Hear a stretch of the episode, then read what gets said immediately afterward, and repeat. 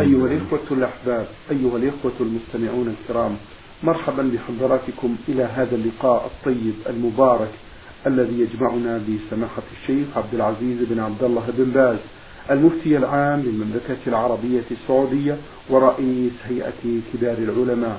مع مطلع هذا اللقاء أرحب بسماحة الشيخ أجمل الترحيب فأهلا ومرحبا سماحة الشيخ. حياكم الله وبارك فيكم. وفيكم على بركة الله نبدأ هذا اللقاء برسالة وصلت من السائل إبراهيم أبو حامد يقول في هذا السؤال ما هي الأمانة الواردة في قوله تعالى إنا عرضنا الأمانة على السماوات والأرض والجبال نرجو منكم التوجيه.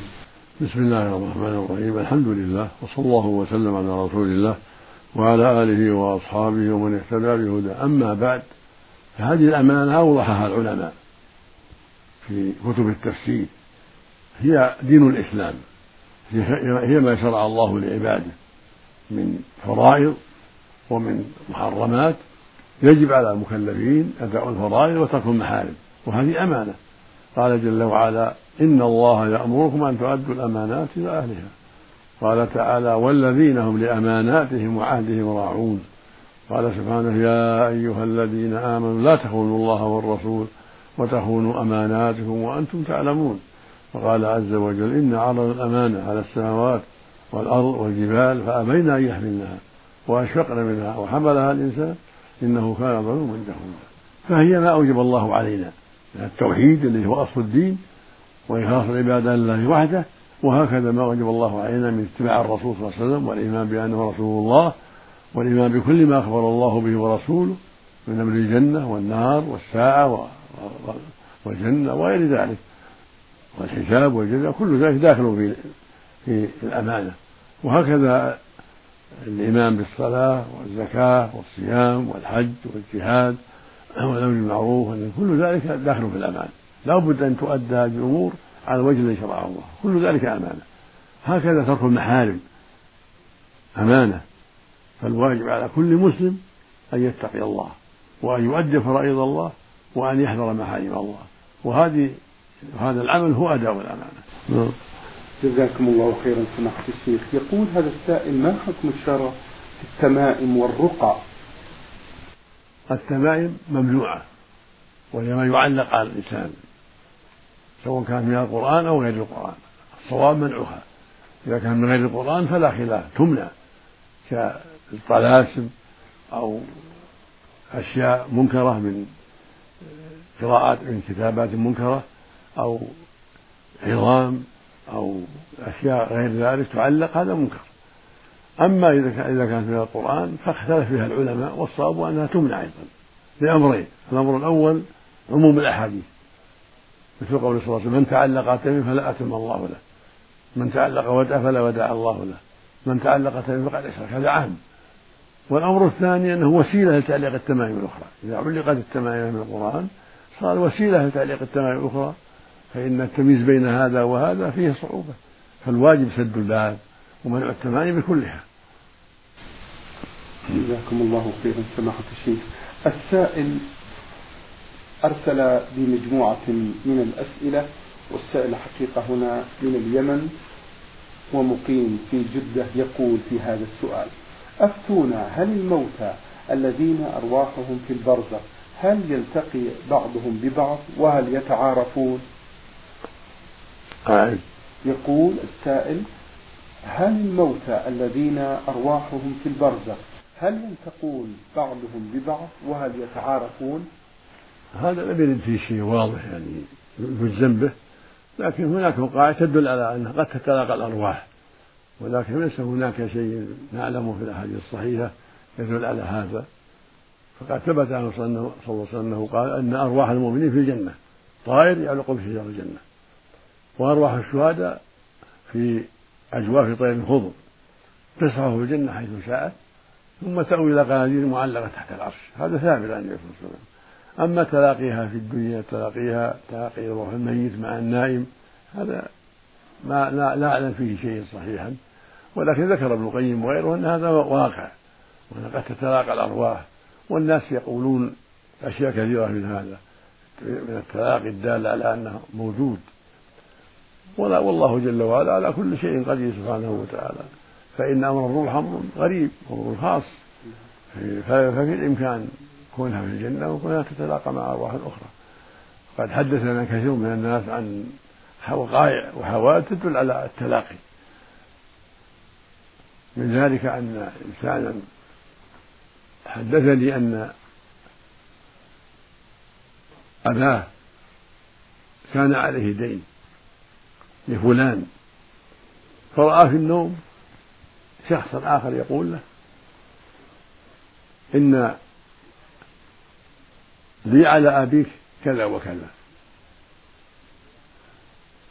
ولفلان كذا وكذا ولفلان كذا وكذا. فسألهم الولد فقالوا نعم كله صحيح. المقصود أنها يقع أشياء لا يتهم فيها تدل على أن هناك شيء من التلاقي والله جل وعلا أعلم سبحانه وتعالى. نعم. جزاكم الله خيرا سماحة الشيخ. هل الأولاد والبنات الذين يموتون قبل سن التكليف هل يتزوجون في الآخرة وما مصيرهم؟ نعم إذا ماتوا قبل التكليف فهم وهم من أولاد المسلمين فهم من أهل الجنة بإجماع المسلمين. إذا ماتوا فهم من أهل الجنة هنا خلاف في أولاد المشركين. أما أولاد المسلمين فهم في الجنة. وأهل الجنة والجنة ليس فيها عزم كل أهل الجنة يتزوجون. كل أهل الجنة يتزوجون. لهم فيها ما يشتهون ولهم فيها ما يطلبون. ولهم أزواج من الحور العين ومن, ومن نساء الدنيا. كل رجال الجنة لهم أزواج. نعم. جزاكم الله خيرا. السائل يقول رجل آه، توفي ولا يوجد له عصبة وعنده مال كثير وله خالة وعمة وبنت عم. هل يرثونه أم لا؟ هذا على خلاف في توريث الأرحام بعض العلم يرى توريثهم وبعض العلم لا يرى توريثهم. فإذا وقعت هذه تحال المحكمة. تحال المحكمة تنظر فيها لأن هؤلاء من ذوي الأرحام. نعم. جزاكم الله خيرا. ننتقل بعد ذلك إلى رسالة وصلت من السائل ميم ألف يا من البحرين. يقول هذا السائل في السؤال الأول هل المصائب التي تصيب المسلم ابتلاء من الله عز وجل أم بسبب معاص اقترفها؟ جزاكم الله خيرا. المصائب قد تقع بسبب رفع الدرجات و وإعظام الأجر للشخص كما يقع للأنبياء وكثير من الأخيار. ومثل ما أصاب أيوب وغيره عليه الصلاة والسلام مثل ما أصاب نبينا في يوم أحد وغيره وقد تقع بسبب الذنوب كما قال تعالى وما أصابكم من مصيبة فبما كسبت أيديكم ويعفو عن كثير. قال عز وجل ما أصابك من حسنة من الله وما أصابك من شيء فمن نفسك. نعم. جزاكم الله خيرا. السائل من البحرين يقول ما الفرق بين الخطيئة والسيئة والذنب؟ وماذا يعتبر النظر إلى النساء؟ وما الفرق بين الحسنة والأجر؟ مأجورين. السيئة والخطيئة والذنب كلها معنى واحد. السيئات والخطايا والذنوب هي المعاصي هي المعاصي. والحسنات والطاعات والأعمال الصالحات كلها متقاربة معنى واحد. ف... ف... ف... فما جاء في النصوص من الذنوب والسيئات والخطايا هذا معناه ما يفعله العبد من الجريمة. لكن قد يطلق تطلق الخطيئة على ما كان من غير تعمد. وهو النسيان. كما في قوله تعالى ربنا لا تؤاخذنا إن نسينا وأخطأنا قد يسمى الشيء خطأ يعني أنه وقع بغير قصد أو نسيان. والسم يسمى الذنب خطيئة يسمى سيئة. جزاكم الله نعم. ويسمى ذنب أيضا. نجحت نعم هذا ان سيارتك طلع صوت طلع صوت طلع عظم مجري سيارتك تبي شوي شيخ شلون؟ كتاب الماء تطلع صوت عندنا يطقه الشهيدين يا هلا نعم. جزاكم الله خيرا. سماحة الشيخ بعد ذلك ننتقل إلى سؤال آخر يقول فيه السائل ما هي محقرات الذنوب مع ضرب الأمثلة بذلك مأجورين؟ محقرات الذنوب التي يحتقرها الإنسان يراها صغيرة. النبي عليه الصلاة والسلام قال إياكم ومحقرات الذنوب فإنها تجتمع حتى تهلكه وفي اللفظ الآخر فإن لها من الله طالبا. وضرب المثل بين قوم ينزلون منزلا ليصنعوا طعامهم فيأتي هذا بعود وهذا بعود وهذا ببعرة فيوقد نارا ويصنع الطعام على هذه الأشياء الحقيرة. ومحقرات الذنوب هي التي يراها صغيرة يحتقرها يعني يراها ذنوب صغيرة. قد يرى بعض الناس الغيبة من الصغائر. قد يرى بعض الناس آه، كلام على بعض الناس بالشدة. والكلام السيء إنه من الصغائر يعني حيث لا يتأدب معه بل يتكلم عن كلام قبيح. قد يرى بعض الناس أن كونه يعصي والده أو لا يصل رحمه قد يراها محقرة. قد يعتقد أشياء حقيرة صغيرة وهي ليست كذلك. قد تكون كبيرة وما يعلم.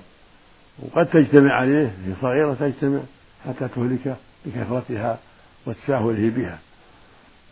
فالمقصود المحقرات التي يراها الإنسان حقيرة يعني يتساهل بها لأنه يراها مثل من الكبائر ويراها أن الله سوف يعفو عنه فيها لأنها باعتقاده ليست يعني لها شدة وليست تتضمن ظلم للناس أو مشقة عليهم. هذا معنى محقرات جزاكم الله خيرا. قال رسول الله صلى الله عليه وسلم يستجاب للعبد ما لم يدعو بإثم أو قطيعة رحم ما لم يستعجل. قيل يا رسول الله ما الاستعجال؟ قال يقول قد دعوت فلم يستجب لي. فيستحسر عند ذلك ويدع الدعاء. هل ينطبق هذا على من قال ذلك بقلبه؟ وجهونا في ضوء هذا السؤال. ينبغي المؤمن أن يحذر هذا. استجاب العبد ما لم يستعجل. يقول دعوت ودعوت فلم أراه يستجاب لي. فيستحسر ويدع الدعاء. هذا مما لا ينبغي المؤمن بل ينبغي يجتهد في الدعاء ويستمر ويرجو الإجابة. لأن الله سبحانه حكيم عليم. قد يؤخر الإجابة لمصلحة لك حتى تستمر في الدعاء وتؤجر في الدعاء وتثاب على الدعاء ويكون لك بسبب الدعاء آه، توجه إلى الله وأعمال صالحة. وحذر من السيئات فتنتفع بهذا بها بهذا الدعاء لأنك اجتهدت في الأعمال الصالحة وابتعدت عن السيئات فهذا صار خيرا لك هذا الدعاء وهذه الحاجة صارت خيرا لك. فلا تسأم استمر في الدعاء ولو تأخرت الإجابة. واحذر المعاصي التي قد تعوق تعوق الإجابة. قطيعة الرحم كذلك. فالمقصود أن الإنسان يدعو إلى الله ويجتهد في الدعاء ولا يسأم. لا يقول دعوت لم يستجب لي. يصبر يصبر يصبر. فقد تؤخر الإجابة لحكمة بالغة جزاكم الله خيرا سماحة الشيخ السائل يقول هل تقبل هدية من مشرك؟ هذا فيه تفصيل. إذا كانت الهدية تتضمن شر على المسلم لا يستلط بها الكافر عليه أو لا يستر بها على المسلمين ولا يستلط بها شر فإنه يقبلها المسلم. ويكافئ عليها. يكافئ عليها مثلها أو أحسن منها. والنبي صلى الله عليه وسلم قبل من قوم ورد على قوم. قبل المشركين بعض هدايا ورد على آخرين لم يقبل هداياهم. فإذا كان قبولها أصلح يترتب عليها تأليف قلبه ومحبة للمسلمين ويجيب ويثيب عليها أكثر المهدى إليه قبلها. فإن كان قبولها يسبب يسبب شر على المسلمين أو هذا المهدي يتجرع على المسلمين أو يؤذيهم. أو يفعل أشياء تضرهم بسبب هذه الهدية. أو المهدى إليه هذه الهدية تفضي إلى محبته للكافر المهدي والتعاون معه فيما يضر المسلمين قال لم يقبلها لئلا تضره لئلا تجره إلى الباطل. جزاكم الله خيرا. السائل يقول في آه، سؤال له أيضا من الكبائر تغيير منار الأرض؟ ما معنى ذلك؟ سماحة الشيخ؟ الرسول لعن من تغير من الأرض. لعن من ذبح لغير الله ولعن من لعن والديه. ولعن من آوى محدثا. ولعن من غير من الأرض. يعني مراسيم الأرض. كون الإنسان بينه وبين زيد مراسيم تفصل أرضه من أرضه. فالذي يغيرها ملعون نسأل الله. لأنها يفضي إلى النزاع والخصومات يظلم هذا لهذا نسأل الله العافية. سواء كان من الشريكين من الشركاء أو من غيرهم. هو ملعون. ظالم لأن تغييرها يفضي إلى النزاع والخصومات وإعطاء الإنسان غير حقه نسأل الله العافية. جزاكم الله خيرا. ما حكم من قال بأن الذين يدعون الأولياء والصالحين هم مسلمين؟ حكم أنه يبين له أن هذا كفر وضلال. إذا أسر صار كافرا مثلهم. يبين له كفرهم وضلالهم والأدلة على ذلك. يقول الله جل وعلا فلا تدعوا مع الله أحدا. ويقول سبحانه ومن يدعو مع الله إلها آخر لا برهان له فإنما حسابه عند ربه إنه لا يفلح الكافرون. سماه كفر. قال سبحانه ذلكم الله ربكم له الملك. والذين تدعون من دونه ما يملكون من قطمير إن تدعوهم لا يسمعوا الدعاء ولو سمعوا ما استجابوا لكم. ويوم القيامة يكفرون بشرككم سمى دعاهم شركا يبين له أن دعوتهم واستغاثتهم بالأموات. هذا شرك المشركين هذا شرك قريش مع اللات ومع غيرها من الصالحين ومع الملائكة. نسأل الله العافية والسلامة اللهم آمين. بارك الله فيكم سماحة الشيخ. يقول هذا السائل هل يجوز لي أن أدعو الله بأن لا يعقد الشيطان علي ثلاث عقد عند النوم؟ ما هنا ما نعلم لو دعانا الله يكفي شر الشيطان وكان شر عقده. طيب هو مأمور بالتعوذ بالله من الشيطان. والشيطان قد يعقد العقد وإذا ذكر الله وتوضأ وصلى زالت العقد وكفاه الله شرها ومثل ما أخبر النبي صلى الله عليه وسلم إذا أصبح وذكر الله انحلت عقده فإذا توضأ انحلت عقده فإذا قام وصلى انحلت عقده كلها فإذا سأل الله أن الله يكفيه شر الشيطان وأن الله يعيده من عقده وأن الله يعيده على ذكره وطاعته هذا كله طيب. جزاكم الله خيرا. قال رسول الله صلى الله عليه وسلم من قرأ سورة الواقعة كل ليلة لم يصب بفاقة أبدا. ما معنى كلمة فاقة؟ وهل هذا الحديث صحيح؟ هذا الحديث لا نعلمه طريقا صحيحا لا نعلمه طريقا صحيحا فلا يعول عليه. ولكن يقرأ القرآن وهو لأجل هذا. يقرأ لأجل التفقه في الدين وحصول الحسنات. كان الرسول صلى الله عليه وسلم قال اقرأوا القرآن فإنه يأتي شفيعا لأصحابه يوم القيامة. وقال من قرأ حرفا من القرآن فله بحسنة والحسنة بعشر أمثالها. فالإنسان يقرأ القرآن لأجل فضل القراءة والذي هو حصول الحسنات؟ لا من أجل حصول الدنيا. نعم. جزاكم الله خيرا. السائل إبراهيم أبو حامد يقول آه، في سؤال من أسئلته ما الحكمة في عدم بداية خطبة العيد بالبسملة وكذلك خطبة الجمعة؟ الله أعلم. لا لا أذكر شيء في هذا لا أعلم شيء في هذا.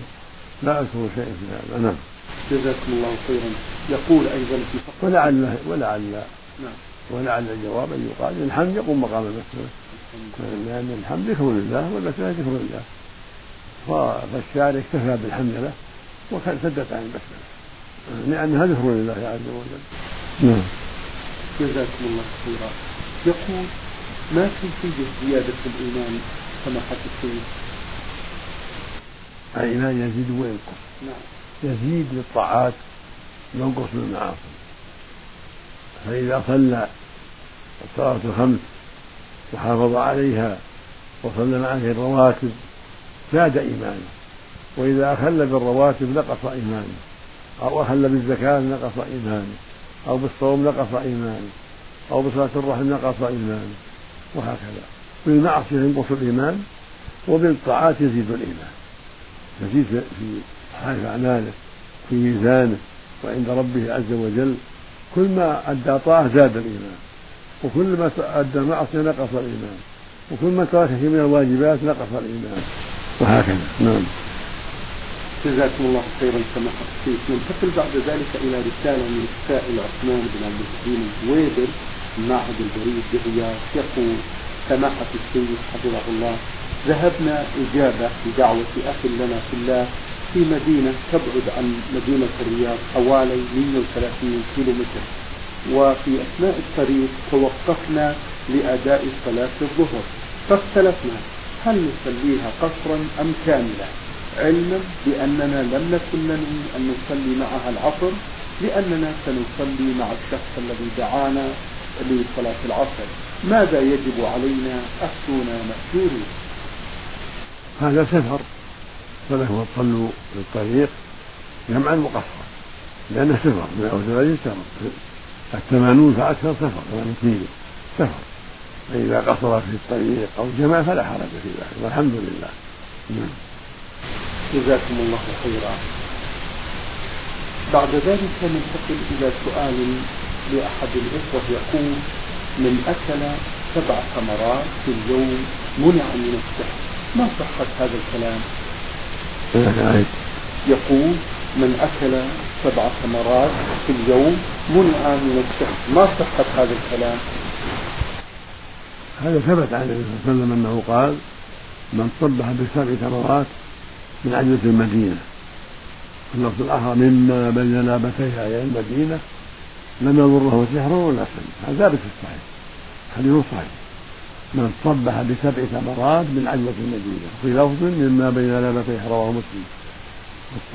واصله الصحيحين لم يضره سحر ولا سم طيب. قال الله تعالى وقالوا ربنا عجل لنا قسطنا قبل يوم الحساب. ما هو القسط المذكور في الآية سماحة الشيخ؟ نصيبهم. الذي لهم من الخير يكون في الدنيا.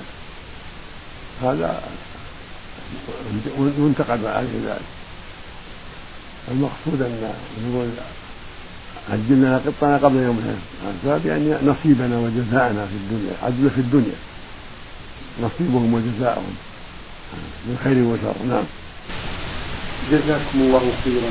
ننتقل بعد ذلك إلى رسالة وصلت من الكويت من السائل أخوكم الذي رمز لاسمه بجيم في في الرشيدي يقول ما هي ثمرات فرض البصر في الدنيا والآخرة؟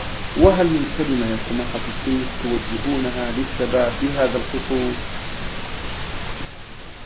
طيب طيب. يقول هذا السائل من الكويت هل ما هي ثمرات غض البصر في الدنيا والآخرة؟ وهل من كلمة توجهونها للشباب في هذا الخصوص؟ غض البصر من أهم المهمات ومن أفضل الطاعات. يقول الله جل وعلا قل لمن يغضوا من أبصارهم ويحفظوا فروجهم حديث صلى الله عليه وسلم من غض بصره أوجده الله حلاوة يجدها في قلبه. المقصود غض البصر من القربات العظيمة ومن الواجبات لأن إطلاق البصر من أسباب استحسان ما قد يقع البصر من نساء أو مرجان فيقع الفتنة تقع الفتنة. فغض البصر من أهم الواجبات ومن أعظم أسباب النجاة والسعادة. الواجب على أهل الإيمان غض البصر والحذر من شر النظر وهكذا المرأة. يجب عليها غض البصر والحذر من شر إطلاق البصر. ولهذا قال صلى الله عليه وسلم في الحديث الصحيح لما سئل النظر فجأة لما سئل عن نظر الفجأة ينظر فجأة قال اصرف بصرك. قال لعلي لما سأل النظر قال إن لك الأولى وليس لك الثانية. الأولى اللي وقعت فجأة لك ما مهم بها يعني لم تختارها. لكن ليست لك الثانية. يعني لك الأولى لأنك لم تقصدها وليس لك الثانية. نعم. جزاكم الله خيرا. السائل أيضا له سؤال ثاني يقول فيه الشيخ هل ورد عن الرسول صلى الله عليه وسلم هذا الحديث بهذا المعنى؟ من أنه سوف يأتي على أمتي زمان المحافظ فيه على دينه كالقابض على الجمر وأن له من الأجر أجر خمسين صحابي وإذا كان الجواب بنعم فهل زماننا هذا هو الذي أشار إليه النبي صلى الله عليه وسلم؟ كل هذا صحيح. نعم يأتي الناس زمن وهذا يقع في بعض في بعض الأوقات وفي بعض الجهات في زماننا قبل زماننا أيضا. وسوف يأتي أيضا. ليس في كل زمان بل في بعض الأزمنة وفي بعض المحلات. قد يكون في بعض في بلد لا يقع ذلك ظهور الخير فيها. وقد يكون في بلد آخر قد يقل الخير فيها فالقابض على دينك كالقابض على الجمر فإذا اشتدت الغربة حصل هذا وصار العامل يعطى أجر خمسين من الصحابة كل مشهد يتوضأ اللهم صل على محمد. اللهم صل على نبينا محمد. جزاكم الله خيرا سماحة الشيخ بعد ذلك. ننتقل إلى رسالة سائل من سوريا جيدي يقول في هذا السؤال هل ذلك جائز بأن أحمل القرآن في جيبي؟ إيه؟ حمل القرآن في الجيب هل هو جائز؟ لا حرج في ذلك أما كان يتخذه تميمة لا. أما إذا كان لحاجة ينقله معه حتى يقرأ في المصحف لا. بأس أما ينقله معه ويثبت معه هكذا وهكذا ليقيه شرور يعتقد أنه تميم حرز من الشرور هذا لا لا, لا دليل عليه ولا أصل له. يمنع. جزاكم الله خيرا. يقول في فقرته الثانية وهل يجوز لي أن أقرأ القرآن بدون وضوء؟ إذا كنت تقرأه عن ظهر قلبك لا بأس بغير وضوء. أما من المصحف لا بد من الوضوء. توضأ. لكن إذا كان عن ظهر قلب تقرأ بغير وضوء. إذا كنت لست جنوبا. والحيض كذلك فها أن تقرأ من الصحيح لأن المدة تطول عليها. والجنوب لا يقرأ حتى يغتسل لا من المصحف ولا عن ظهر قلب. أما صاحب الحدث الأصغر على وضوء ولا ما عنده جنابة هذا يقرأ الحمد لله عن ظهر قلب. لكن لا يقرأ من المصحف. جزاكم الله خيرا سماحة الشيخ يقول السائل في ثالث أسئلته هل يجوز زرع الأشجار على القبور؟ لا ينبغي. لا. لا, لا أصل له. كان النبي صلى الله عليه وسلم وضع الجريدة على قبرين معذبين. أما نحن لا نعرف لا نعرف علاقتهما فلا يوضع لا جريد ولا غيره. ليس بل بدعة. بارك الله فيكم.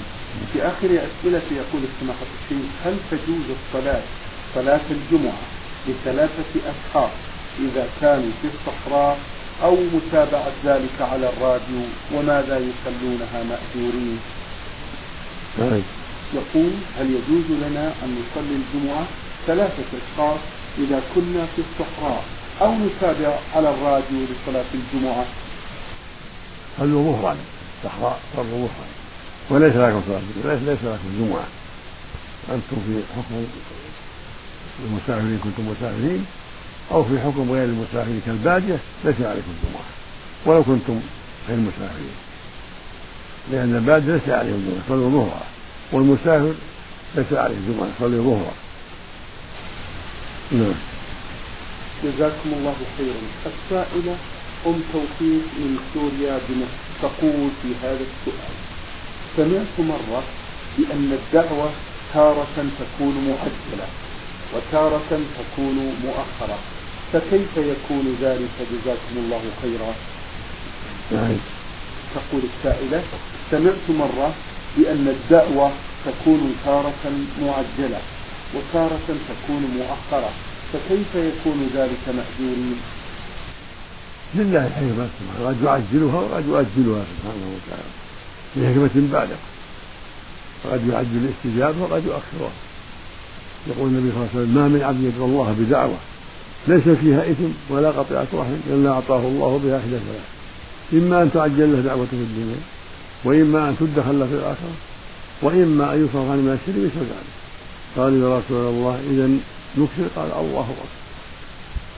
فهو حكيم عليم قد يعجلها وقد يؤجلها سبحانه وتعالى. وقد يعطي السائل خيرا قد يعطي السائل خيرا منها سبحانه وتعالى. شكر الله لكم وسمح فيه. وبارك الله فيكم وفي علمكم ونفع بكم المسلمين.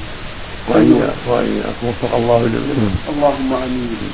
أيها الإخوة الأحباب أيها الإخوة المستمعون الكرام أجاب عن أسئلتكم سماحة الشيخ عبد العزيز بن عبد الله بن باز المفتي العام للمملكة العربية السعودية ورئيس هيئة كبار العلماء. شكر الله لسماحته على ما بين لنا في هذا اللقاء الطيب المبارك. شكرا لكم أنتم وفي الختام تقبلوا تحيات زميلي مهندس الصوت فهد العثمان. والسلام عليكم ورحمة الله وبركاته.